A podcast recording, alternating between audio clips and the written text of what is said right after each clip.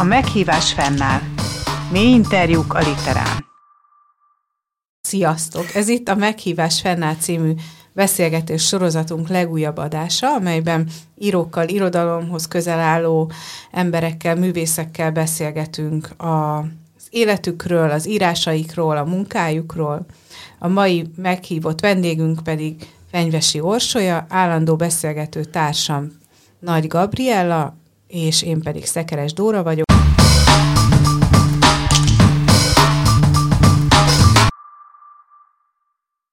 Milyen kihívásokkal néz szembe az, aki alkotni merészel, és ez a merészel kifejezés azért, azért így vezetném fel, mert ott szerintem sokat fogunk majd beszélgetni a bátorságról, meg a sebezhetőség felvállalásáról. Több oka van annak, hogy Orsival beszélgetni szerettünk volna. Az egyik a Mindig kezdetben című ö, új tavaly év vége, vagy ősz környékén megjelent ö, verses kötete a Kaligram kiadónál, a másik pedig egy frissebb dolog, az pedig ennek a kötetnek a kapcsán való recepció, vagy annak a, a hiánya, vagy annak a, az a körül benned megfogalmazott kérdések, meg bizonytalanságok.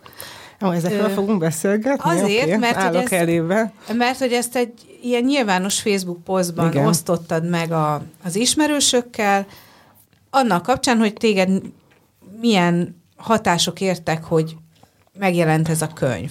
Pontosabban le, úgy fogalmaztad meg, hogy ennek a hatásoknak a hiányát szeretted volna így a, ahogy nem tudom, idézem talán, hogy bekiabálni így a világba, vagy el, uh-huh. elmondani ennek a, ennek, ennek a keserűségét. Ez egy, ez egy meglehetősen keserű ö, ö, írás volt arról, hogy, hogy úgy érzed, hogy nem értették ezt a könyvet, vagy nem kaptál igazán reakciókat arra, hogy értették, vagy nem. Ami azért volt szerintem érdekes nekünk a Gabival, mert hogy ilyet nem nagyon szoktak csinálni szerzők, hogy, uh-huh. hogy ezt így elmondják, hogy hát miért nem, miért nem olvasták el az én könyvemet. Ezt mi úgy fogalmaztuk meg, hogy ez ma talán egy ilyen tabu dolog, hogy, hogy a szerző ezt, ezt így elmondja, hogy, hogy ő mit várna az olvasóktól, vagy a, uh-huh. vagy a szakmától. Tudod, mi az, mi az érdekes, hogy ezzel a magányos farkas üvöltésemmel azért mégiscsak így viccesen úgy fogalmaztam, hogy kihisztiztem azt, hogy e, kapjak visszajelzéseket, tehát, e, de valahol azért mégiscsak szomorú, hogy így, hogy, hogy, le, hogy teljesen meg kell szégyenülni az embernek ahhoz, hogy, hogy az, amit, amit csinál, az, tehát hogy valami visszajelzést kapjon arra, ami, ugye is mondjuk, hogy nem szoktak erről beszélni az írók, költők, hogy most az őket hogyan érinti, de hát ez az életük könyörgöm, tehát, hogy azért mégiscsak itt mindannyian, akik ezt komolyan csináljuk, ez, ez sokkal komolyabb, mint amennyire ezt, ezt, ezt bevalljuk magunknak. Tehát én, én nem ismerem, nem ismerek olyan pályatársat, aki, akinek, aki szerintem nem azzal kell és fekszik, hogy, hogy számára az irodalom ugye mindennél fontosabb, vagy akár egyfajta ilyen hitnek is a helyettesítője. Mit gondolsz, hogy miért, miért van az, hogy, hogy hogy, hogy az a közfelfogás, hogy a költő vagy az író az alkossa meg a művét, jelenjen meg, tegye ki az asztalra, és utána pedig kus a neve. Tehát utána ne szóljon bele abba, hogy annak milyen a, az útja, aztán ö, milyen kritikák jelennek meg, miközben ugye te is hangsúlyozott folyton, hogy, hogy beszélgetésre vágysz. Tehát, hogy a kritikának Igen. is valami olyasmi lenne a feladata. Igen. Tehát, Tehát miért, nem arra vágytál, ugye, hogy... hogy itt most dicsimnuszokat zengjenek, nem, nem, hanem, abszolút. hogy, hanem hogy egyáltalán lásd, hogy ez nem csak Sőt, ugye maga a... a, vele van öntve egy ilyen sötétségbe, vagy... I- igen, és ugye az, az a Facebook poszt is, ugye abban is így utaltam a, a könyvbemutatókra, amiket én szintén ilyen rendhagyó könyvbemutatót terveztem, ahol beszélgetni akartam, tehát nem az, hogy valaki engem kérdezzen, és én elmondjam ezt a pályafutásomat, meg hogy én miről, hogyan vélekedem, mik hatottak rám, és mikor születtek ezek a versek, mert ez egyébként engem is eléggé kevéssé érdekel mások könyveivel kapcsolatban, hanem pont, hogy én beszélgetni szerettem volna velük, életről, halálról, nagyon kevesen jöttek el, akik eljöttek, azokkal egyébként sikerült, tehát az, az első alkalom, amikor így az ilyen Isten, halál, és ugye ezek a témák voltak. Én nagyon boldog voltam, mert nekem én mindig erre panaszkodtam még kisiskolás koromban, és hogy hát én senkivel nem tudok beszélgetni a halálról. Most ezt így megkaptam, és de, de mégis azt éreztem, hogy itt azért valami tehát jobban szerettem volna megmozgatni körülöttem a levegőt, és mert pedig pont azért, amit én, én az irodalomról gondolok, tehát hogy, hogy rájöttem arra, hogy, hogy számomra az irodalomnak épp az a tétje, ami, aminek akár a szerelemnek is, tehát az én határainak a lebontása, a, a kapcsolódás másokhoz, hogy meghaladjam önmagam, hogy, hogy ne legyek egyedül, és ne legyek magányos, mert, mert nekem az első tapasztalatom egészen, tehát én, én nem is emlékszem arra, hogy, hogy ne írtam volna, hiszen fenn is maradtak ilyen mm, nagycsoportos koromból versikéim, mi csak versikének sem mondhatom, hanem ugyan szabad versek, és pont olyanok, mint amiket a lányom most ír és Nagy csoportos korodból várjál? Amikor írni elkezdtem, és így kimásoltam ja, a betűket. Igen, igen, hogy kimásoltam a, a betűket a, a könyvekből, és nem is folyóírással vannak ezek. És Mondj már egyet, mit írtál? Hát pont, de most azt mondom, hogy pont olyanokat, mint a most öt éves lányom, hogy, hogy az eső, hogy hogy megcsillan a virágokon, és hogy az esőcsepp gyémánt is, arany is, és ez oly szép.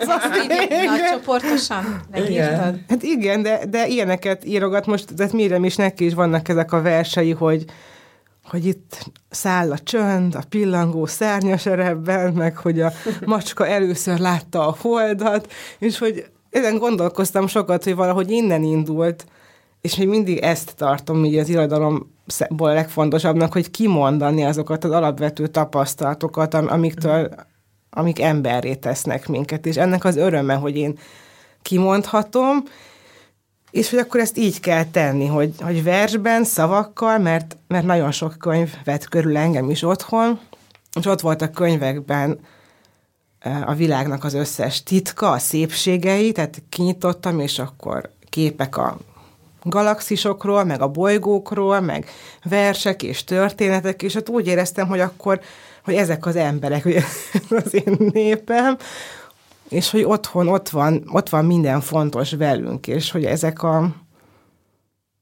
ez, ez a fajta lelkesültség, ami, amit egyébként én is kisgyerekkoromtól temperamentumom miatt is átéltem ennek, ennek itt helye van. Tehát, hogy egy olyan hely, ahol, ahol minden sokkal erősebben, vagy intenzívebben átélhető.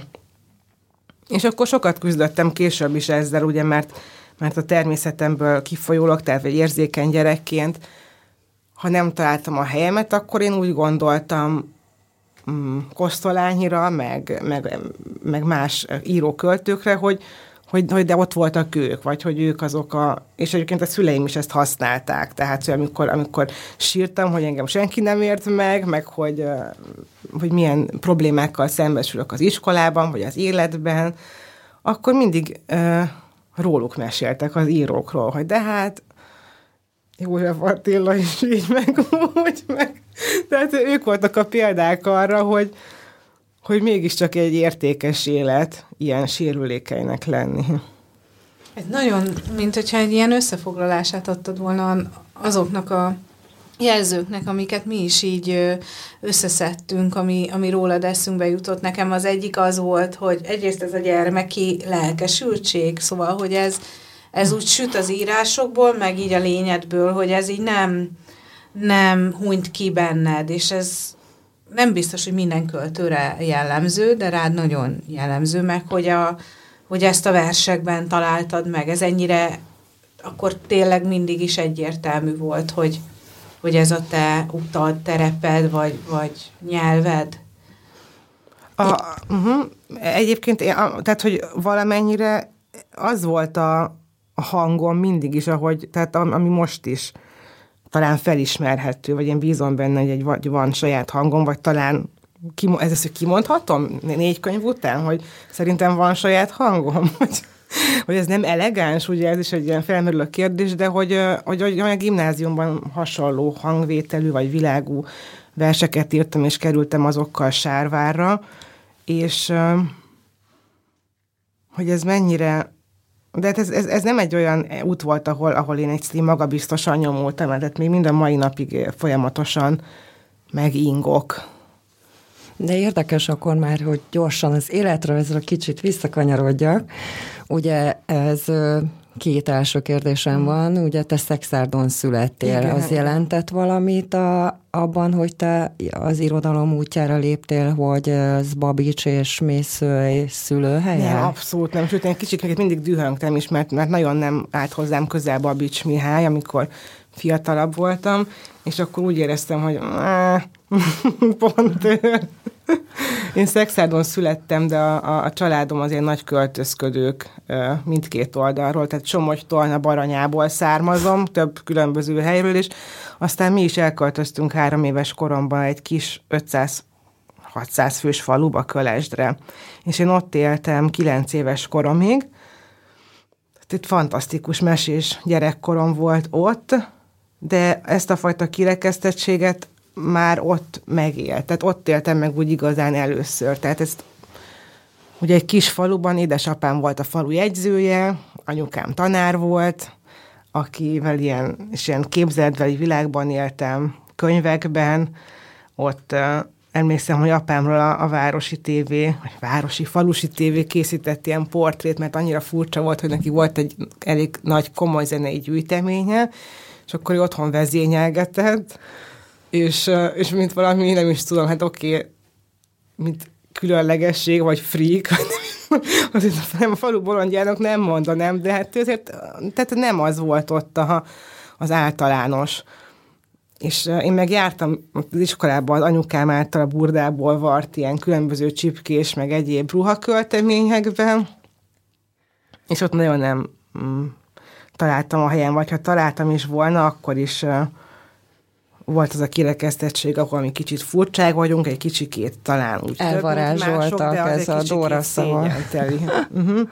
Igen, igen, de hogy azért mégiscsak egy ilyen kis közösségben valahogy nem a... csak a pozitív Hát ehhez. igen, tehát a, a, a falunak az értelmiségi rétegét azért még, tehát hogy hajlamosak ugye, és persze nyilván Stréber kislány voltam, meg, meg az első sorban tanárnéni kedvence, és aztán később meg különböző féleképpen élt. Tehát pont amikor meg tíz éves koromban Pécsváradra költöztünk, ott meg direkt, tehát így felszabadítottam magam. Ott volt bennem egy ilyen, hogy akkor uh, valahogy így arra emlékszem, hogy tudatosan átalakítottam hogy? a személyiségemet, hogy valahogy introvertáltból hirtelen nagyon extrovertáltá váltam. És Hány éves voltál? 9-10 de Igen. inkább ezen 11-12 Ez, ez mégis hogy, hogy tud egy ilyen hát, megtörténni? Ez elkezdtem felvállalni, hogy, hogy rájöttem, hogy, hogy minden ott, ott van bennem, és inkább ezt az ilyen, az ilyen a, a bohóc, vagy bolondozó, aki, uh-huh aki továbbra is színötös volt, de magatartásból kettes, mert, mert folyamatosan röhögtem, meg, uh-huh. meg vihoráztam, meg, meg vadultam, és, és közben már így nyíltan vallottam arról, hogy én regényeket írok, meg, volt valami városi irodalmi pályázat, és akkor írtam egy szonett, négy szonettet Pécsváradról, mint hogyha az lenne a hazám, holott ugye egy éve költöztünk oda. akkor mindig olvastam, és beleéltem magam ezeknek a hősöknek az életébe, és akkor volt, hogy évekig úgy beszéltem, mint Anne Shirley, vagy, vagy a gyűrűk urán zokogtam, és, és kiléptem ott a házunk erkélyére, és akkor az ilyen griffmadárseregeket irányítottam képzeletben, tehát, hogy ott ezt így elengedtem akkor, és egy kicsit elszálltam. De pont ezt tette, azt hiszem azzá, vagy, vagy jól gondolom ezt, hogy akkor ezt a környezet könnyebben fogadja, mert hogy, mert hogy a másik, tehát látja azt a magabiztosságot, hogy ő elfogadja magát, és ettől a környezet is elfogadja, nem? Hát ott azért még, tehát pont mondjuk ilyen 12-13 évesen, ott azért ugye mindenkinek vannak mély pontjai. Ez hát igaz, ott de, még hogy, nem jutottam el ideig, a gyereke, de aztán... gyerek, uh-huh. kortás közösség ott értél -e, vagy ért téged ettől bántás, vagy, vagy az, hogy nem értik meg? Voltak barátaim, de azért, azért szerintem én voltam a furcsa lány azért többnyire, de hogy tehát akkor egy szándékosan értelem rá is játszottam, mert muszáj volt egy ilyen ellenstratégia. És akkor gimnáziumban, ahol, ahol már Pécsen volt, a Lővei Klára gimnáziumban jártam, ott viszont, nekem az volt a kedvenc időszakom, ott viszont ez az egész így helyreállt, és egy ilyen teljes felszabadulás uh-huh. találkoztam nagyon sok olyan emberrel, akik azóta is az életemben vannak, és meghatározóak voltak, és énekeltem, zongoráztam, színjátszóba jártam, írtam, és, és lázadtam, és matek, fizika, kémiából kettes voltam, mert ez volt az én lázadásom. Nagy butaság volt egy utólag, de...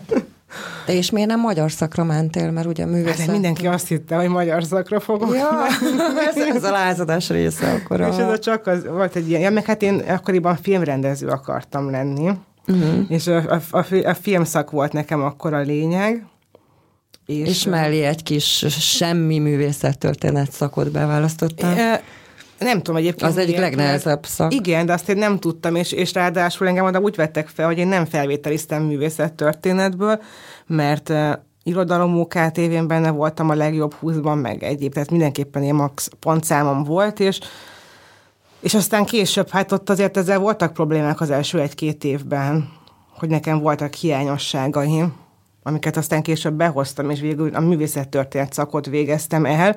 De azért volt egy közjáték, ugye? Mit kerestél te a, a jogi karon? Hát utólag fogalmam sincs, azt hiszem. Ez is egy lázadás volt? Nem, ott volt valami homályos elképzelésem, hogy talán majd meg kéne élni. Ja.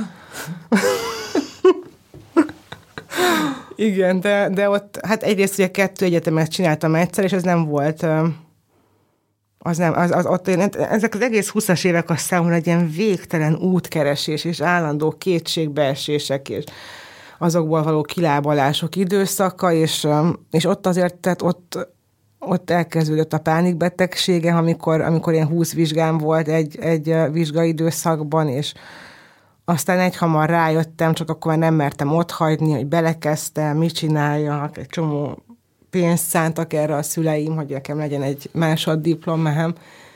De amikor bementem kafkás kitűzőben, és valaki jött hozzám, hogy ő is nagyon szereti Csegelvárát, akkor meghoztam a döntésemet. És a következő fél évről már kiiratkoztam. Ez komoly. Nem, de tényleg volt egy ilyen sztori, tehát hogy igen, Aha. akkor kicsit úgy éreztem, hogy ott, uh-huh. hát ott sem találtam a, a közegemet. Egyébként még mindig nem találtam meg a közlekemet, valahol erről is szól ez, ez a Facebook poszt, de... Hogy az Orsi Félék Társaságát meg kell alapítani. Az Orsi Félék Szövetséget. Szövetséget, igen, igen, igen, igen.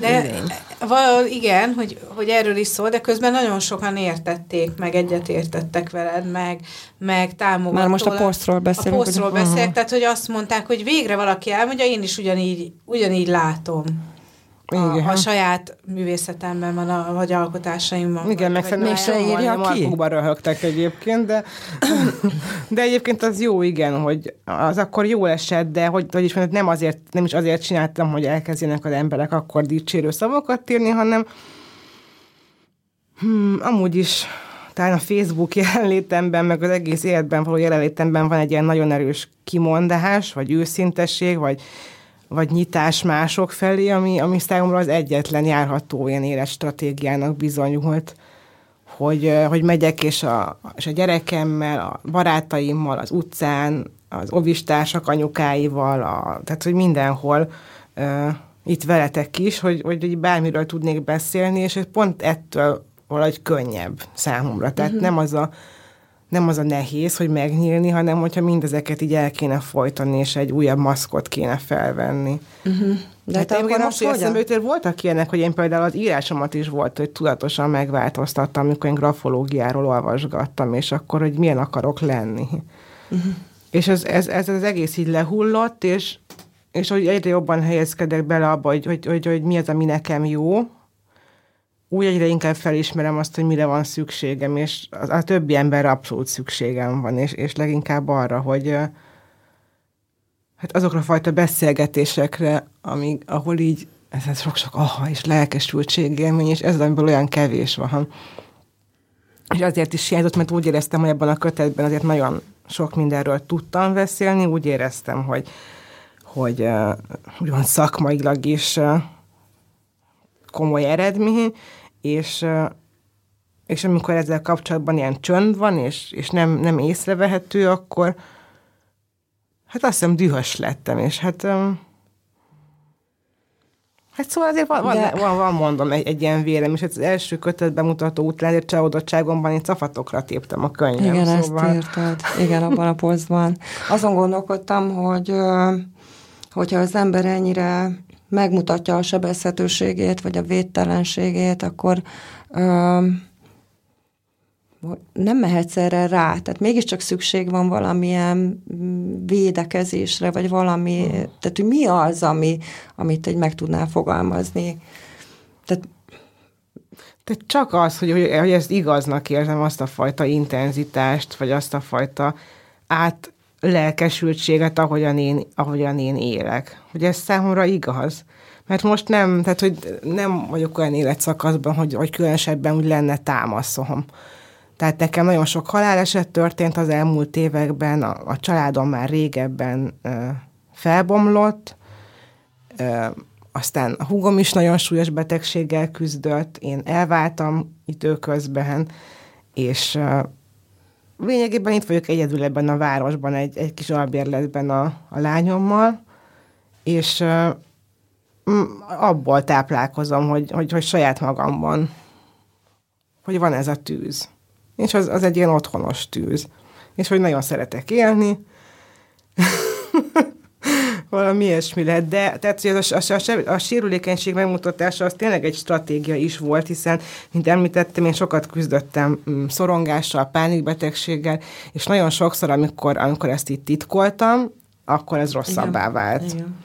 Tehát onnantól kezdve, hogy, hogy úgy döntenék akár most is, hogyha rosszul lennék, akkor azt így nyíltan közölném veletek, hogy, lehet, hogy el, elvicceskedném, hogy azt gondolom, hogy mindjárt infarktus fogok kapni, de közben ezt nyilván halál komolyan gondolom, és elmondhattam, míg hogyha fenn kell tartanom egy látszatot, akkor, akkor az egész elnyúlik, és, és, és ez állandó szégyenérzet, és nagyon sokáig tartott felfedezni, hogy nincs mit szégyelnem.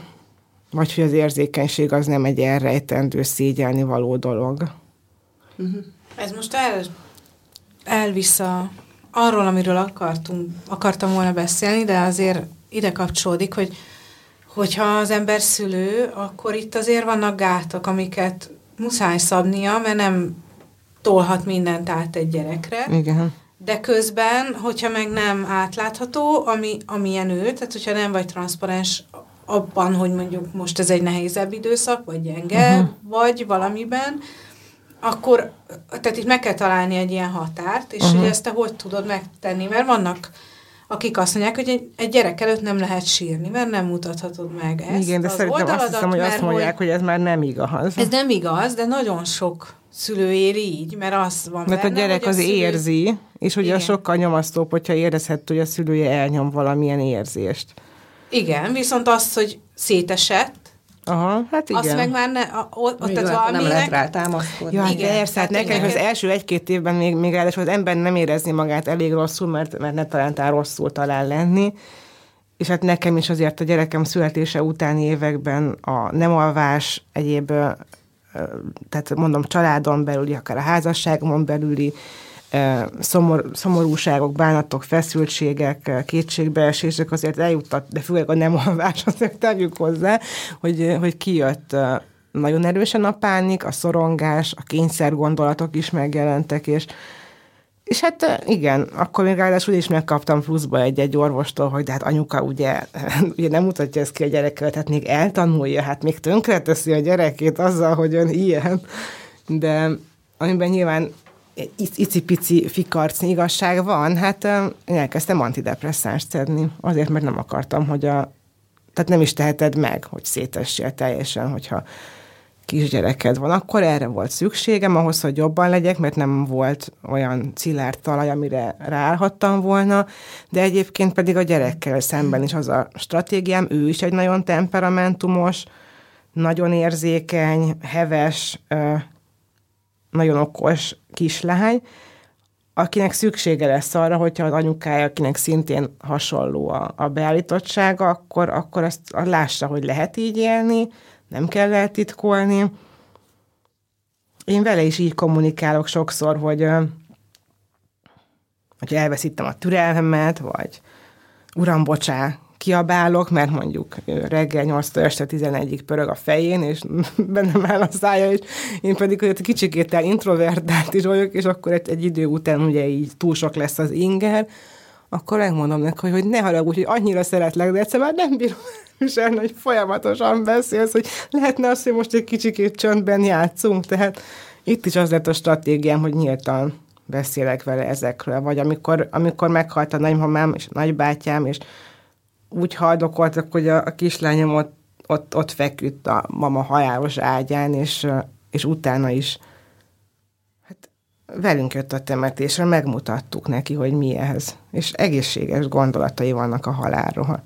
Nyilván ő is mostában mondja, hogy ő soha nem akar meghalni, de hát most neki ez a feladata, nem tudom, Igen. 30 éves koráig, hogy soha ne akarjon meghalni, aztán ráér utána elfogadni, hogy halandó. Uh-huh.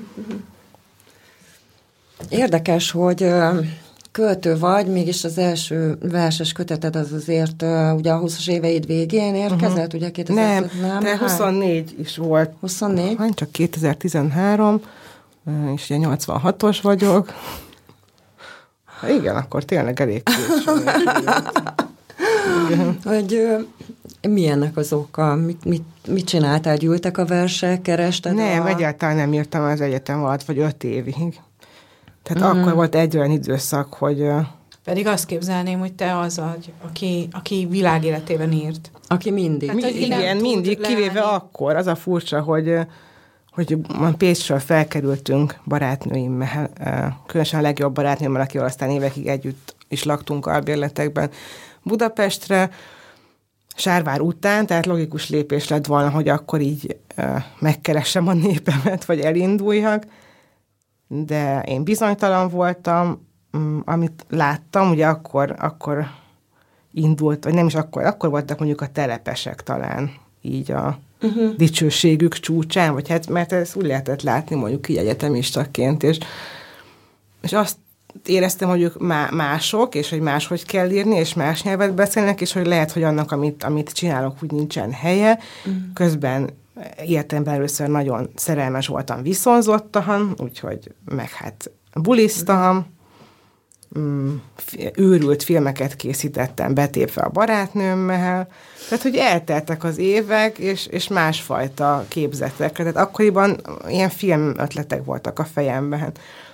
És ezeket általában meg is csináltuk, és aztán ezeket is eh, pont ez a barátnőm felhívott a Facebook posztom után, és akkor vele mindig röhögünk az összes ilyen problémánkon, és most már sírva röhögtünk azon, hogy Orsit, de úgy látszik mindig ilyenekben futsz bele, hogy, hogy eszébe jutott, hogy, hogy szerinte is milyen ilyen ötletes és különös vizsgafilmet csináltam az első év végén, amit aztán ilyen döbbent, néma csönd fogadott a vetítésen, hol egy kicsikét arra számítottunk, hogy legalább valaki azt mondja majd, hogy, hogy na hát lányok, hogy azt a ugyanis az volt a feladat, hogy portrét kellett készíteni valakiről, tehát egy ilyen film etűt portrét, amit mindenki tisztességesen megoldott. Én meg kitaláltam, hogy én róla fogok portrét készíteni, akit a legjobban ismerek, de úgy, hogy egy másik embert csinálok belőle, és mindezt úgy, hogy ilyen néma filmes módszerekkel, tehát volt benne egy eltűnős stop trükk, és meg ilyen kiírások, amik ráadásul rilke, meg szelámversekből voltak,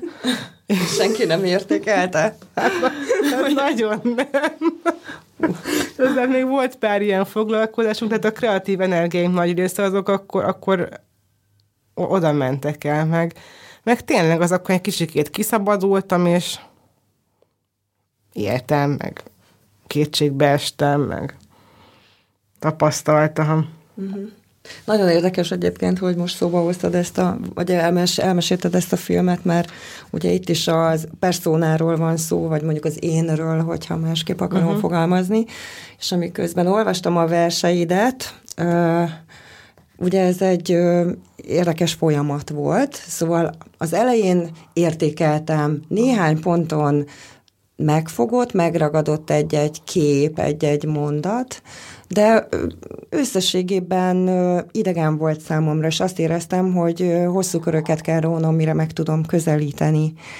És aztán egyszer csak rátaláltam egy olvasói pozícióra, saját, ugye saját magamnak inspiratív olvasói pozícióra, ami valami olyasmi olyasmiként lehetne körülírni, hogy hogy, hogy amikor lemondok erről az énről, tehát hogy az a, az a lény ö, olvassa, aki zárójelbe teszi ö, saját magát, hanem ö, valami világ fölött, vagy mellette közben benne lebegő pontként, vagy szemként, vagy nem tudom miként érzékeli uh-huh. magát, és ez a pozíció, ez egy ö, olyan ö, Kett kinyitotta az összes versedet tulajdonképpen. Uh-huh. Tehát nagyon, nagyon érdekes tapasztalat volt számomra, mert összeálltak a, a, a képek, mindenről azonnal tudtam, hogy az kb. hova köthető, hogyan, és, és, és moziztam igazából. De jó, szóval milyen a... hogy ezt mondod. Egyébként emlékszem, hogy volt, amikor kiskoromban ilyen kis füzetembe beleírtam néhány fontos idézeteket, meg ötleteket a 13 éves koromban megírandó Nobel-díjas regényhez. Tehát volt egy ilyen, egy ilyen ötletgyűjtő, és akkor ott annak a, a füzetnek a tetejére az volt felírva ez az idézet, amit a Korbács című Clive Barker könyvből nyúltam, hogy az én az egyetlen börtön, amelyből a lélek nem szabadulhat. És ez, a, és ez nagyon-nagyon sokáig e, így végig kísért ez, ez a probléma, hogy, hogy miért kell énnek lennem, hogy mind a mai napig, hogyha oda bújok a lányomhoz, vagy a, vagy a páromhoz, akkor keresem, hogy, hogy hol kezdődik ő, hogyan lehetne így behatolni egy, egy másik testbe, vagy pozícióba, vagy entitásba. Azt, hogy szeretnék kicsit messzebb elhelyezkedni magamtól, vagy hát igaz, hogy, hogy lebomoljanak az énnek a határai, és hogy, hogy lehessen egyesülni valamiképpen a világgal, és közben valahogy azt is tudom, hogy ezek ilyen naív képzetek. Ezzel birkózom, hogy van egy része, ami hisz ebben a fajta varázslatban, és van a, a, a cinikus, ateista ö, énem, amit szerintem például az apámtól örököltem, és ezek bennem vitáznak, de hát, de hát ha vershez nyúlok, akkor nem ehhez a lemondó énemhez nyúlok, hiszen épp azért írok, mert keresem ezt a, azt a bizonyos többet. Hát amikor a könyvbemutatódat meghirdetted, akkor Igen. sem ugye kis pályás módon tetted ezt, mert egyrészt két részes rendhagyó könyvbemutatót terveztél, tematikusan szétosztottad ugye a két Igen. alkalomra, és akkor az volt a fő mondat, hogy beszélgessünk végre életről és halálról. Igen. Ugye végre, miért végre? Mert hogy sosem? Hát a könyvbemutatókon tehát ezek a szakmai kérdések merülnek fel, és hogy, hogy so, sokszor vagyok vele úgy, hogy, hogy oké, oké, de hogy te miben hiszel, hogy, hogy mit tapasztaltál, vagy, vagy mik az érzéseid, és, és inkább valamiféle olyan kapcsolódásra vágyok a pálya, kortársaimtól elkezdve Nádas Péteren át Ted Hughesig, hogy, hogy így hogy megismerjük egymást, mint amikor két ember ugye hajnalban nyúlóan beszélget, és megszűnik közöttük az ilyen testi vagy lelki elválasztottság. Ugye mindig ezek az ilyen régen, emlékszem, ezek a hajnali beszélgetések barátnőkkel, nagymamáimmal is folytathattam szerencsére ilyeneket, hogy amikor olyan, ilyen hajnali két-három órás ilyen szellemórákban megszűnik a, a, a cezúra két ember között, és ez az a fajta több, amit én, amit én most már remélni tudok az élettől, tehát a nagy istenkeresésben ez valami ilyesmi lenne. De ebben az is sokat segített egyébként, hogy rájöttem, hogy, hogy kisgyerekkorom óta küzdöttem a halálfélelemmel, és... Az honnan származhat egyébként? Nem tudom, azt, a, a szüleim azt mondták, hogy már ilyen másfél-két évesen is csikítoztam az árnyékok láttán, meg arra emlékszem, hogy nagyon korán hogy ilyen, voltak ilyen gondolatkísérleteim az ágyban, hogy a végtelent, meg a semmit próbáltam elképzelni, meg az Kicsi időt. gyerekként?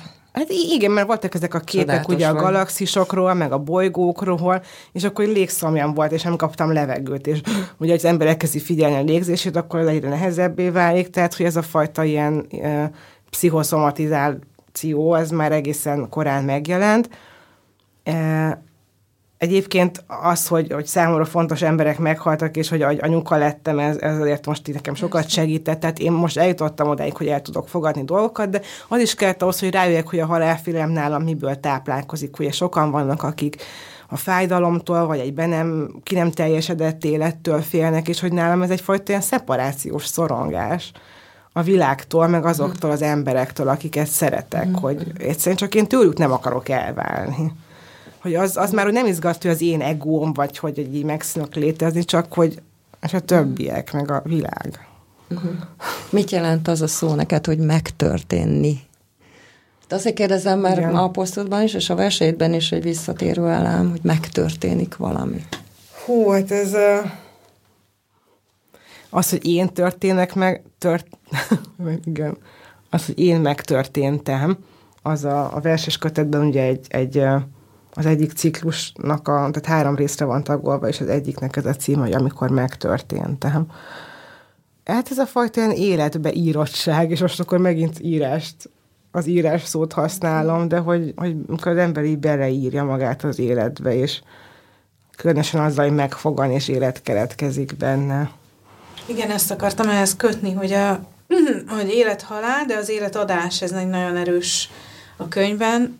Az, az hogy ö, anyuka lettél, az egy, az egy ilyen cezúra is lehetett a, a személyiségfejlődésben, mert hogy egyszer volt egy mondatod, ami nagyon sokszor eszembe jut, amikor azt mondtad, hogy az neked nagyon sokat segített te a saját énedben, hogy, hogy az az ember, aki egy ilyen tökéletes gyermeket ö, ki tud hordani, és életre tud hozni, az, az nem lehet annyira szörnyű, hogyha, uh-huh. hogyha erre képes. És ez egy ilyen nagyon erősítő mondat szerintem e, minden anyának, uh-huh. hogy, hogyha erre úgy ránéz, hogy ő, hogy ő életet adott, és hogy akkor az ő teste, meg szelleme, az, az mi mindenre képes. Na hát erre már nem is emlékszem, látod, hogy ezt, ezt mondtam talán, amikor beszélgettünk Igen. az alkotás és anyaság Igen. kapcsán, és mert akkor engem ezzel volt, hogy például anyukám ezzel biztatott, vagy, vagy mások, hogy mikor ugye elbizonytalanodtam, hogy rosszul csinálom, hát rosszul vagyok, hát egy ilyen ember hogy lehet anya, akinek szorongásai vannak, nincs mindig jól, és akkor mondták, hogy de hát nézd rá a gyerekre, hát hogy milyen okos, aranyos, nyitott, beszél, sőt, versek és akkor ezzel sokat vigasztaltam magam. Az biztos, hogy nagyon nagy, hogy teljesen átalakítja az embert, és az annyira hasznos tapasztalat, hogy nem te vagy a legfontosabb. És hogy akkor Igen, az ego, az, az, az, ez, akkor, ez azt akkor hagyod magad mögött úgy igazán azt a, az egót, ami, ami meg tizenévesen annyira fontos, hogy ugye sokszor azért ír, írnak, és én is talán akkoriban az volt a fő, hogy megmutassam magam, hogy lássanak. De az, hogy most akkor nem te vagy a legfontosabb, de mégis magad, magadból dolgozol, Igen. Meg, meg magadat írod bele a, az életbe, ez, ez, ez hogy jön össze? Hát ez nagyon nehezen. Mostanában kezd összejönni. Hát ez állandó ilyen lelkiismert fordulás, meg anyai bűntudat, azért ez, ez közrejátszik, és meg egyáltalán, tehát nekem a, a vállásom is egyfajta ilyen luxus vállás volt, hogy így nevezni szoktam, tehát nem történt semmi katasztrófa közöttünk a volt férjem, mert egyszerűen nem ugyanúgy képzeltük az életet, és sokat voltunk frusztráltak, meg én talán azt éreztem, hogy, hogy ott hogy nincs számomra lehetővé téve az a fajta tér, amihez egyébként az íráshoz szükségem mhm. van. Ilyesmiért nem váltak volna el, ez egyel felettünk levő, vagy tehát az idősebb generáció tagjai, pláne nem még azt megelőzően önző döntésnek is lehet nevezni a gyerek szempontjából. De ezek mind kellettek ahhoz, hogy, hogy visszataláljak egy kicsit az egyensúlyhoz, hogy, hogy a, az én is font, tehát, hogy a saját magam fontossága, meg a gyerek fontossága, nem tudom, tehát most megint el fogok utazni majd Bolonyába a gyerekkönyvvására márciusban öt napra, és biztos vagyok benne, hogy totál ki fogok készülni, hogy mit keresek én itt, és hogy a, a gyerekem hány ezer kilométerre van pontosan tőlem, de hát előbb-utóbb el fogunk jutni odáig, hogy neki majd lesz egy önálló saját élete, és elengedjük egymást, és azt hát el kell kezdeni gyakorolni van most pont a saját, én nagyon ritkán van, hogy nekem beugrik egy, egy sor egy saját versenyre, mert ezt nem szoktam csinálni, hogy mondjuk így idézgettek magamtól, de beugrott ez, hogy az egyik ilyen utolsó ilyen versben, hogy, hogy el kell felejtenünk, hogy azt a, nem, nem így van megfogalmazva, hogy, hogy azt a fajta összetartozást, vagy azt az mert ez nem volt igaz. Tehát valahogy ezt érzem, hogy az, amit a, a várandóságban, és utána megtapasztal az ember a, a két test, egy lélek, vagy ez a fajta ilyen, hogy, hogy nincs, hogy amikor elkép meghatározó élmény volt, hogy autogén tréningre jártam, és el kellett képzelni ugye a különböző testrészeinket, és nekem a gyerekem lába ugrott be, amikor vizualizálni mm. kellett a sajátomat, és mondta, hogy jóságos, hogy hát lesz itt munka bőven. És tehát, hogy az, de az, hogy nem volt, te, az akkor kellett, ugye nyitva volt az aranykapu, akkor a szülés körüli időszakban, de most már, hogy ő öt éves, és, és saját kis egyénisége van, és már most megvan a saját kis élete, ez most már úgy tűnik, hogy, hogy mindez nem volt igaz. Ah, ez nagyon érdekes, hogy ezt mondod, hogy ez nem igaz. De hát az akkor igaz. Akkor igaz volt, igen. Jó, de egyébként is, tehát, ez, tehát minden igaz, és mindennek az ellenkezője igen. is igaz, tehát igen. ez az alapvető. Alapvető, hogy igen, abban a, ahogy a, nyitva van az aranykapu, és abban az időszakban a, az én határok elmosódnak, mert az segít, a, hogy kötődni tudj a gyerekhez, de közben meg meg kell. Igen, és az az élmény ugye, hogy semmi más nem nyugtatna meg, mondtam, mint hogyha most itt tényleg kinyílna a mennyek kapuja, és akkor az arkangyalok személyesen ide hoznának nekem egy papírt, amire leírják, hogy ők garantálják, hogy a gyerekem már semmi rossz nem fog történni, amíg, amíg fel nem nő. Tehát az egy dolog lett volna, hogy megnyugtatott volna, mert annyira letaklózó volt az, az, az a fajta összetartozás, amit én akkor megéltem. Amíg a Gabi azt mondja, hogy neki azt volt az egyik ilyen nagy olvasási élmény, hogy megtalálni egy, egy ilyen pozíciót. Én nélküli pozíciót, vagy egy ilyen fel, felettes, nem felettes én, de hogy... Hát én egy ilyen poz, olvasói pozíciónak Igen. mondtam, mert nyilván ez egy kicsit képszavar, tehát hogy, hogy valami állapot, amiben én hogy is mondjam, az ő világával kapcsolatba tudtam lépni. Na, az, nekem ez, ez egy, egy kép volt, egy ilyen, mint egy ilyen, hát nem festmény, mint egy ilyen film, egy kicsit ilyen, mm, egy ilyen kicsit ilyen brontés film van a fejemben, ahol ilyen nagy zöld mezőn fut egy nő, és, és így ömlik belőle ez a szöveg, vagy, vagy, vagy nem a ki... Tehát van egy ilyen, belekiáltom így a, a világba mindent, és közben van benne egy ilyen romantika, meg egy, meg egy ilyen nagy, nagyon női létezés, de közben minden egy kicsit vizes, meg olyan esős, ilyen angol táj, vagy nem tudom, hogy... ez tett, igen, ez tett. Szóval, hogy van, van, van benne valahogy a, ezekben a versekben, és nem csak ebben a könyvben, hanem nekem mindegyikben, hogy, hogy kiáll egy nő, és így belekiáltja így a, a világba ezt, a, ami, ami benne van. Ez egyfajta ilyen szabadságharc egyébként. És hogy, és hogy ezzel ö, a, a szakma mit kezd, vagy hogy látod?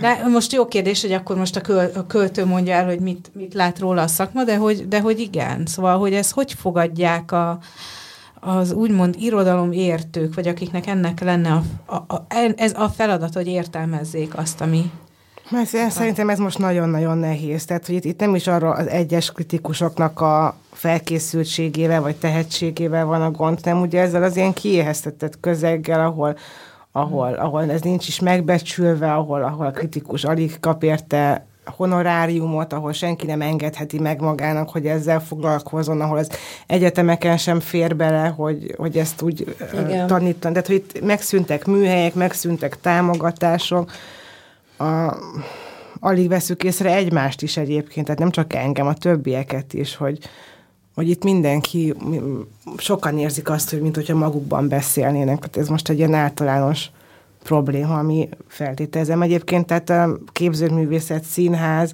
a többi művészeti ágban is hasonlóképpen éreznek a szereplők.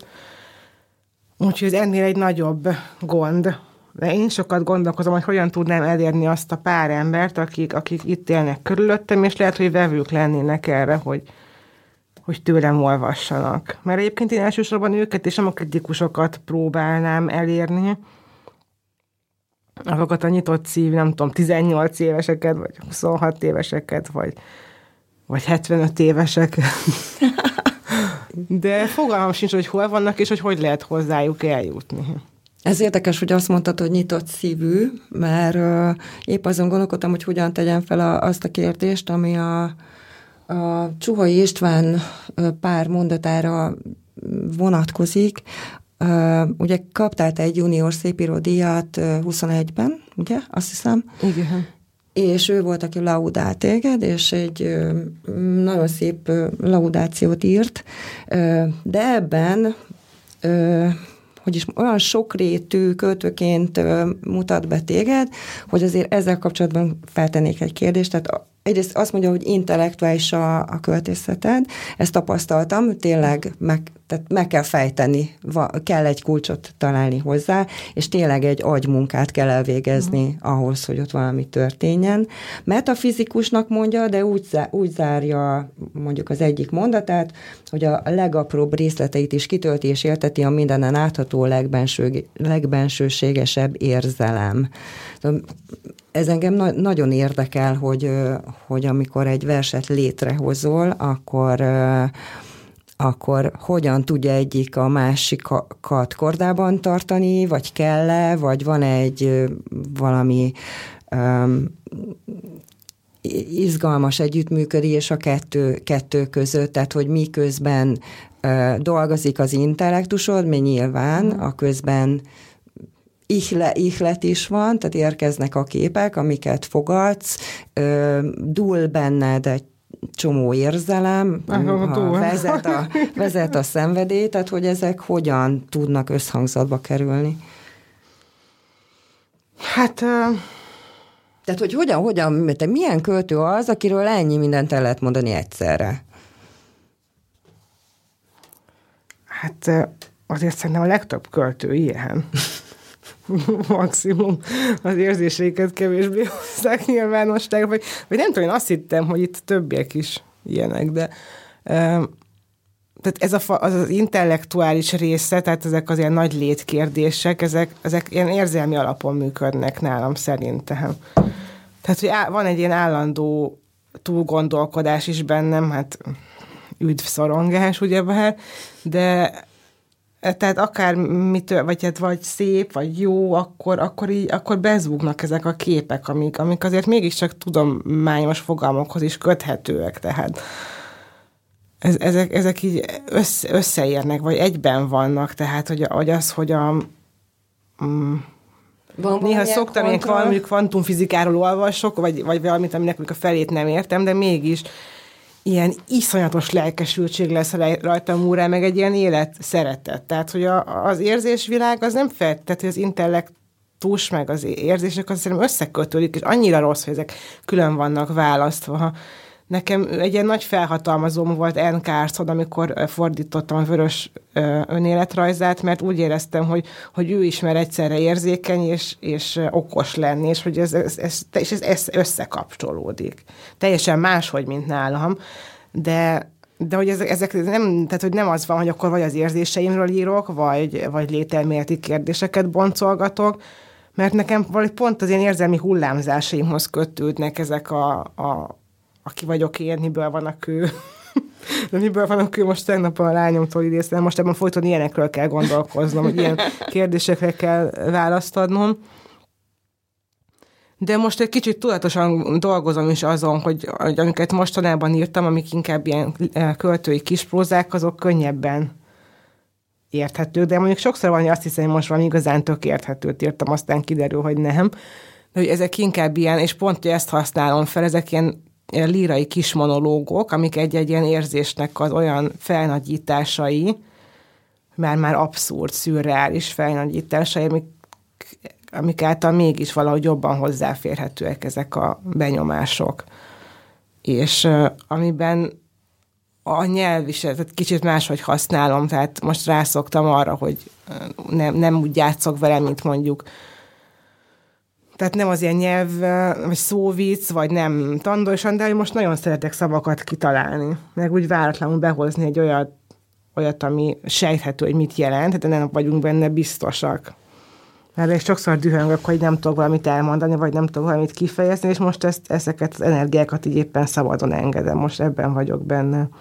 Egyrészt gyerekverseket próbálok így írni, mert ők erre talán fogékonyabbak, meg hát a halandzsázást azt imádják, és milyen jó is halandzsázni egyébként, mert ott ugye a hangzás, és akkor be tudsz vinni mm. minden érzést, ami egyébként nem megfogalmazható. Ö, másrészt meg ezek a, ezek a kis monológok. Úgyhogy ez majd talán egy kicsit hozzáférhetőbb lesz. Én sosem gondoltam magamra úgy, hogy, hogy ezek ilyen, hogy fel kell törni őket, de most már most így utólag már látom akár az Ostrom című kötetem versein, hogy azok valóban nehezen megközelíthetőek lehetnek. Azért kérdeztem ezt egyébként meg, mert hogy téged szoktak ihletet költőnek is mondani, és te neked is van olyan... de te neked is van olyan nyilatkozatod, hogy kapod, hogy kapod Igen. ezeket a verseket. De nyilván kell, hogy működtes valamilyen kontrollt, tehát hogy ez nem egy puszta áradás, befogadás, szóval nem átfolyik rajtad, csak nem, simán. Nem. Most már ráadásul tudom is, hogy utána pihenni kell, meg Mostában ritkábban írtam, mert hát ilyen élethelyzet miatt is, meg nincs rá annyira időm, meg egy kicsikét most már most pont ilyen ilyen versködök képződnek, tehát tudom, hogy meg fognak majd történni, de most még nem állok se érzelmileg, se idegileg készen. Tehát ez tényleg valahogy így működik, hogy de most legutóbb nem, Nemes Nagy Ágnesnek a, a névtárnak Senki Földje című összegyűjtött én eszeit, meg tanulmányait tartalmazó kötetében olvastam erről, és hogy és ő írott egyszer az ihletettségről azt, hogy ezt, ezt szerintem minden ember átél, átéli, csak nem vershez kezd vele, hanem vagy megtartja magának, vagy valami másba viszi át azt a fajta ilyen talán ő is az ilyen átéltség, vagy valami, Igen, az jó vagy vezetettség, uh-huh. még ezt is használja az uh-huh. ihletre, és hogy, hogy így volt, félig viccesen meg is jegyzi, hogy, hogy, hogy volt is már, hogy eszébe jutott, hogy esetleg hogy a költők azért írnak, hogy létjogosultságot teremtsenek ennek a fajta érzésnek, ennek a fajta ilyen... Mm. Tehát amikor hát annak a túlérzékenységnek, ami, amivel tudunk viszonyulni néha a, a látványhoz, vagy a, ahhoz, hogy mit jelent testben élni és az, az akkor tetszett. Tehát, hogy szerintem ez az ihlet, én ez nem azt gondolom, hogy egy ilyen kiválasztott vagyok, vagy egy ilyen proféta, akit időnként megszáll valami, hanem hogy, hogy ez, ez a fajta emelkedettség, vagy ez a hozzáférés a még csak azt sem mondom, hogy energiákhoz, mert ez ilyen transzcendensnek hangzik, de hogy amikor egy kicsikét kinyílnak az én határaim, mégis azt mind, arra mindannyian képesek vagyunk, és mindenki el is jut ebbe az állapotba, akár kirándulás közben, hogyha uh-huh. hegyet mászik, vagy, vagy zenehallgatás közben, és hát mi azok vagyunk, akik, akik ezt kimondani próbálunk dolgokat, és, és a nyelvvel birkózva tesszük meg ezt. Tudod, mi jutott eszembe? Van egy ilyen ö, tapasztalásom a közösségi média, vagy egyáltalán a média kapcsán, hogy van a, a női léttel, vagy, a, vagy egyáltalán a nem csak szülőséggel, hanem a nő, nőnek, nőiséggel kapcsolatban egy olyan beszédmód, ami számomra nagyon ellenszenves, uh-huh. ö, mert, mert ez a transzcendens, amit ugye úgy mondják, hogy na, most itt vannak a lila ősanyák, vagy nem tudom, de hogy közben közben valódi dolgok, tehát ami, amikről prób- beszélni próbál, azok, azok létező dolgok, de valahogy mégis az egésznek van egy ilyen, egy ilyen negédes, vagy, vagy ilyen túlhasznált szavakat ismételgető, az én, meg a, a belső léttel kapcsolatos ja, hát vannak ilyen panelek, igen. igen panelek, és hmm. hogy ezeket mozgató beszédmód, ami, ami nagyon népszerű, vagy, vagy mit tudom én, ennek egy ilyen film, filmjelzi ez a szó, hogy például megélés, ami szerintem ilyen uh-huh. nem, nem, nincs ilyen szó, vagy nem tudom, nem szeretem én ezt uh-huh. a kreációt, de hogy hogy ezzel te például küzdesz, hogy, hogy ezeket a túlhasznált szavakat ne, ne, ne, ne találd meg, vagy más szót találni ezekhez, mert azért a te szövegeid, meg egyáltalán témáid nagyon erősen foglalkoznak azzal is, hogy nő, egy, egy nő alkot, vagy nő vagy, vagy érted? Uh-huh. Vagy hát nem, nem, nem foglalkozom ezzel, vagy nekem ez ritkán volt ilyen ezzel problémám, hogy én most én mostanában kezdem az én igazságtalanságokat felfedezni jobban, de nekem korábban, vagy otthon is ez így nem volt kérdés, hogy, hogy nem csak az, hogy nő alkothat, hanem hogy azért tehát a legjobbak között is bőven akadtak nők, vagy tehát, hogy itt én, én nem azt éreztem, hogy ugye, hogy itt hogy nincs helyem a férfiak között, hanem hogy hogy persze, hát ez, ez egy ilyen női, ott voltak előttem a, a, a nagy példaképek, vagy Virginia Woolf, vagy, vagy Nemes Nagy Ágnes is, vagy Szabó Magda, tehát nem, én nem azt éltem át, hogy, hogy ez itt nekem valamire vigyáznom kell. Aztán most pont Nagy Mártival olvastam egy interjút, hogy ő is eleinte így aztán kikérte magának, amikor, hogy hogy akkor ő most nőkölt, de lehet, hogy persze hát nőjek a témái, de ezt nem kell szégyelnie, és hogy én is így most tanában jutok oda, hogy hát nem az, hogy nem szégyellem, hanem vagy nem tartom igazságosnak, hogy egyáltalán azon kell gondolkoznunk, hogy tehát, hogyha én annyit, annyit tudok a, a, a férfi szerelemről és a férfi ejakulációról, akkor nem árt, hogyha egy kicsit olvasgatnak mondjuk a szülésről, vagy a menstruációról. Vagy, tehát nem gondolom azt, hogy itt van egy ilyen hierarchia. Uh-huh. És ugye sokszor először a nőket ez az ilyen túlfokozott érzelmiség, és tehát ugyan már, hát József Attila, vagy akár mindig, mindig ugyanúgy túlérzékeny volt, hogy rajtuk eszünkbe se jutna számon kérni, mert úgyhogy egy férfi felvállalja az érzékenységét, akkor az, az, az költői, az, az, az, az követendő, vagy legalábbis akkor a szívünk összeszorul, míg a nőkre ezt ilyen gunyorosabban szokták. Ugye nem véletlen, hogy Nemes Nagy Ágnesnek is az volt a stratégia, hogy akkor, akkor ezt így lezárja ezt a részét a, a, a lelki életének a, a nagy nyilvánosság elől. Ezek, amik, amik meg az ilyen, én is tagja vagyok ilyen Facebook anyukás csoportoknak, mert uh, egyébként kb. az életemet mentették meg, amikor be voltam zárva a négy fal közé, de valahogy azok a szavak úgy nem jönnek, vagy szerintem én nem szoktam nagyon az ilyen én időről, meg ezekről fecsegni viszonylag keveset foglalkozom az, hogy mit írhatok meg, mit nem, mert régebben amúgy is voltak ebből gondok, hogy többen szóltak, hogy én itt olyan szavakat használok, amiket már nem illik használni.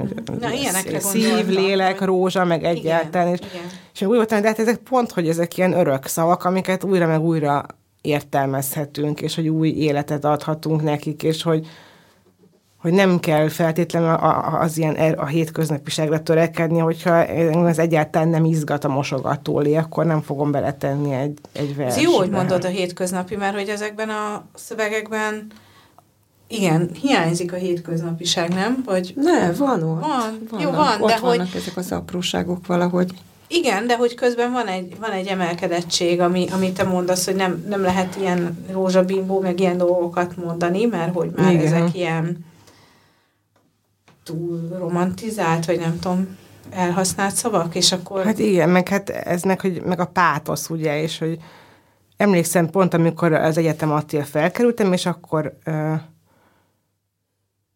valahogy Vajtai Andrással volt egy nagyon vicces sztorink, hogy még a chat.hu nő engem megpróbált annó felszedni, aztán elkezdtünk levelezni, de akkor még ő is gimis volt, meg én is, és ilyen David Lynch filmekről, meg egyebek, és, és aztán később találkoztam amikor felkerültem én is Budapestre, vele, meg a, meg a Nemes Márióval, emlékszem, hogy vagy kávéztunk, és, és akkor párszor így bulisztunk is együtt, meg akkor már mint barátok, akik ugyanazok a dolgok érdekelnek, és, és akkor, amikor neki mutattam pár szövegemet, akkor ők is így mondták, hogy de hát de nem lehet, tehát hogy ezeket így nem lehet ilyen érzelmesen írni, tehát ez, ennek, eznek már lejárt az ideje, tehát hogy szó sincs, tehát hogy így olvassak, nem tudom, keményt, meg Szí Ferencet, most egyébként Kemény István is eléggé érzelmes szerintem, vagy legalábbis én, én hogyha az érzéseimet meg akarom élni, akkor például Kemény Istvánhoz fordulok, de, de akkor úgy éreztem, hogy akkor le vannak tiltva, és hogy oké, okay, de ez engem nem érdekel. hogy, hogy én, tehát, hogy, de nyilván tehát van egy csomó ember, aki a hétköznapi életben sem nem gondolkozik naponta azon, hogy mi az élet értelme, meg hogy mit jelent a másik testem, egyszerűen csak nyugton van, és, és egy kicsikét irigylem is azokat az embereket, meg, meg azért most már azért megtanultam szeretni azt, hogy nekem meg ez az állandó nyugtalansága úgy látszik a küldetésem. És akkor én, én ilyen szavakban gondolkozom. Tehát igen, feketében, meg fehérben, és, és a nagy szavakban, és a, az ilyen intenzív megéltségben, vagy intenzív megélésben, vagy jelenlétben, és mindig a múltban, vagy a jövőben, nagyon ritkán megy, hogy a jelenben. De... Ez miért van? talán az olvasás miatt egyébként nem, lehet. nem tudom, mindig akartam máshol lenni, vagy ez az ilyen, de most már azért tanulok, és értem is, hogy miért fontos az, hogy a pillanatot megéljük, de azért a 20-as éveimben, amikor a, a terapeutám javasolta, hogy tanuljak meditálni, akkor én teljesen felháborodtam, hogy ne gondoljak semmire fél órán keresztül, hát az ennyire nem őrültem meg, hát szó sem lehet róla.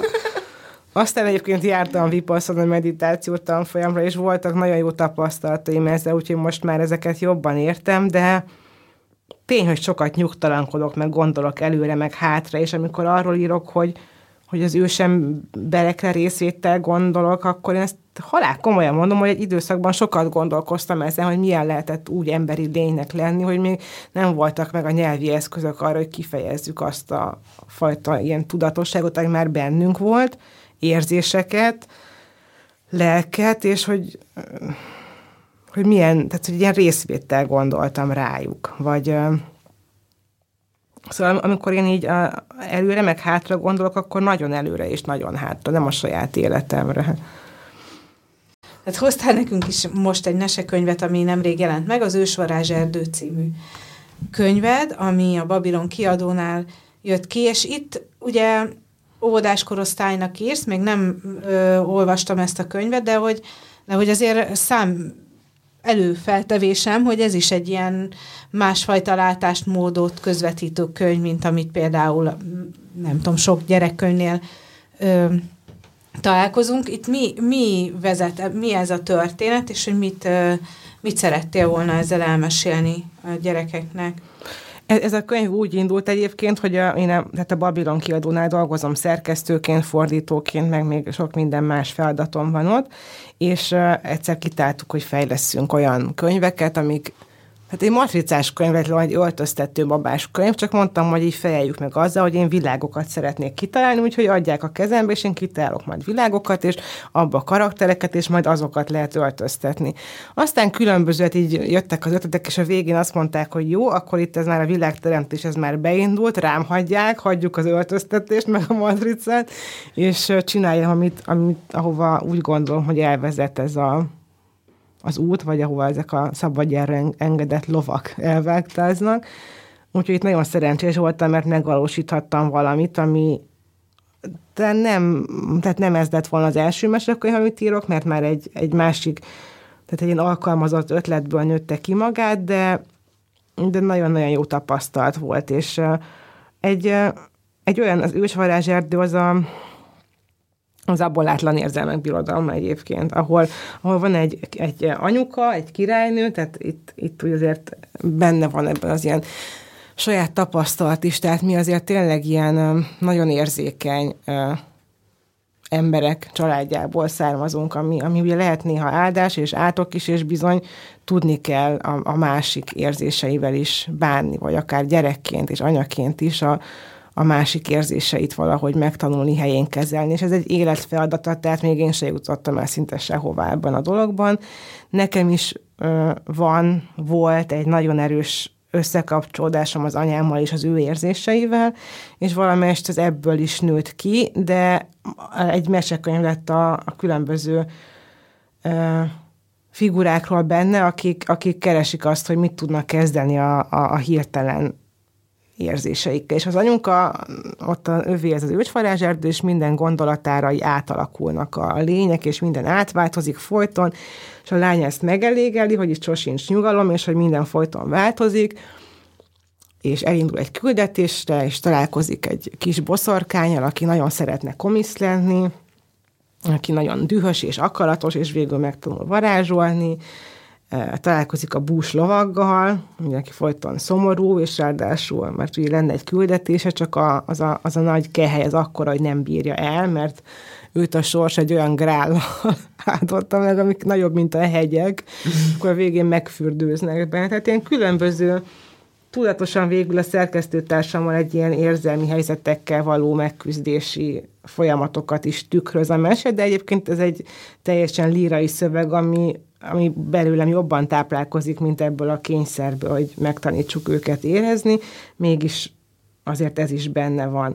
És ezek a, ezek a mesekönyvek, ezek ugye egyrészt, hát nyilván anya lettem, azért is bejöttek, de de most más projektjeim is vannak, és uh, idén könyvfiltre meg is fog jelenni majd akkor a Mikja Emese illusztrációival egy, egy, egy ami, tehát eszméletlenül gyönyörűen egy óvodás kislányról szóló sorozatnak az első kötete, és dolgozom gyerekverseken is, annál is inkább, mert a, a kiadónál sok gyerekverset fordítottam, vagy hát újraírtam, ezek a kerekerdő esztendő, meg az öt perces kis csodák, amiért egyébként szintén kaptam hideget, meleget, mert ezek eléggé szokatlan versek, és vagy nagyon odáig vannak az emberek érte, vagy olyan, olyan értékeléseket írnak olyan, hogy rettenetesek, el ne olvasd.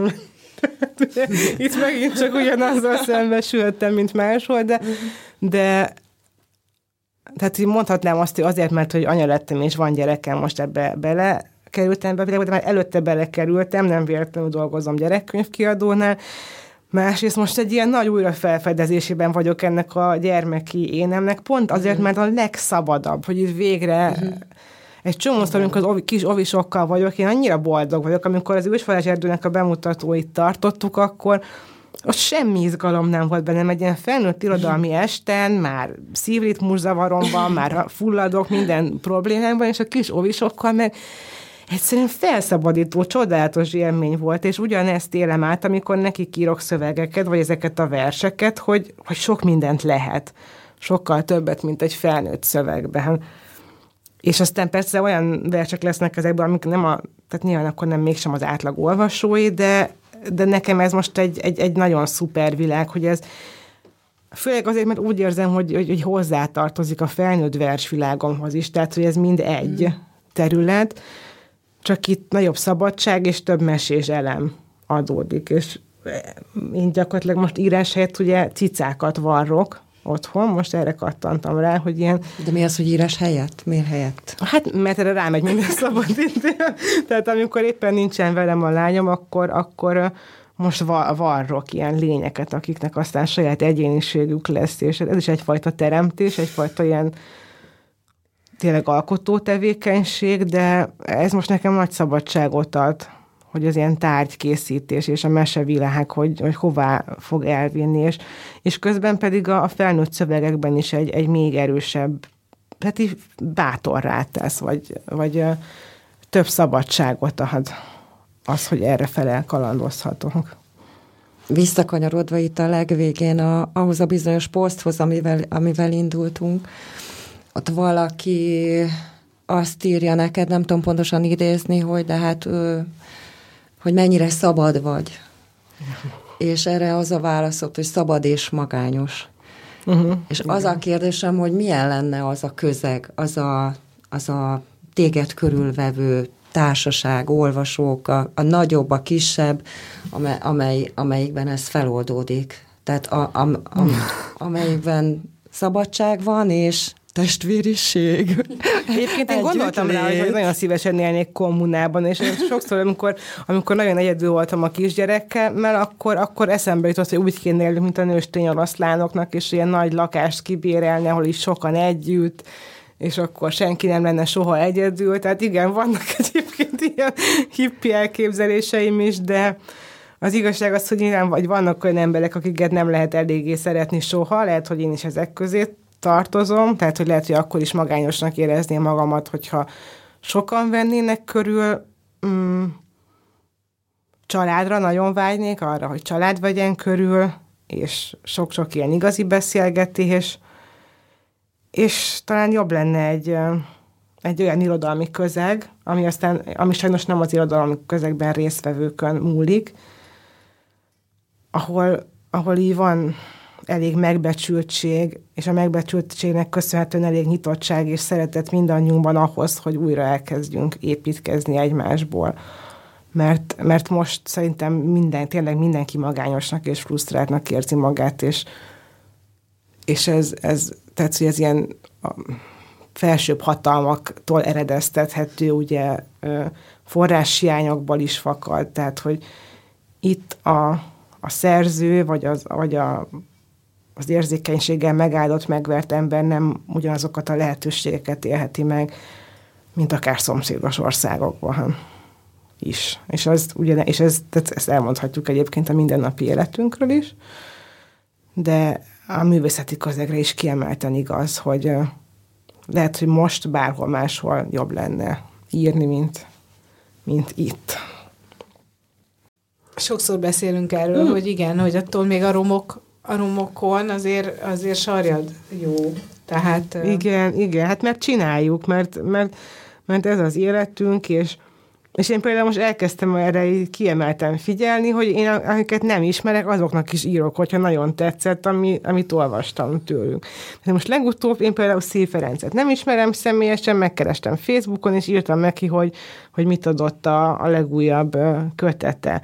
Ugyanezt tettem, amikor különböző körülmények között vagy el, kezembe akadt, vagyis hogy egy, egy a Masszait könyvesboltból eltaláltam lopni a G. István Lászlónak a Homok Fúga című kötetét, amit pont nem ismertem, egyébként nagyon szeretem a költészetén, és, és volt egy olyan nap, amikor azokban, az azokban levő verseképpen visszaadták ezt a hitemet ebben a bizonyos többen, az irodalom, és, és akkor így fogtam magam, és megírtam neki, mert hogy itt, kén, itt is el kéne kezdenünk szerintem, hogy, tehát a visszajelzés adása a másiknak, hogy, hogy fontos, amit csinálsz, hogy, hogy, hogy visszaadta a hitemet, hogy, hogy megmentett, hogy és tehát ezt nem lenyelni, meg udvariaskodni, hanem hogy valahogy kéne erre módot találni, hogy kapcsolódhassunk egymáshoz, legalább mi, akik, akik tehát ugyanazokkal küzdünk, és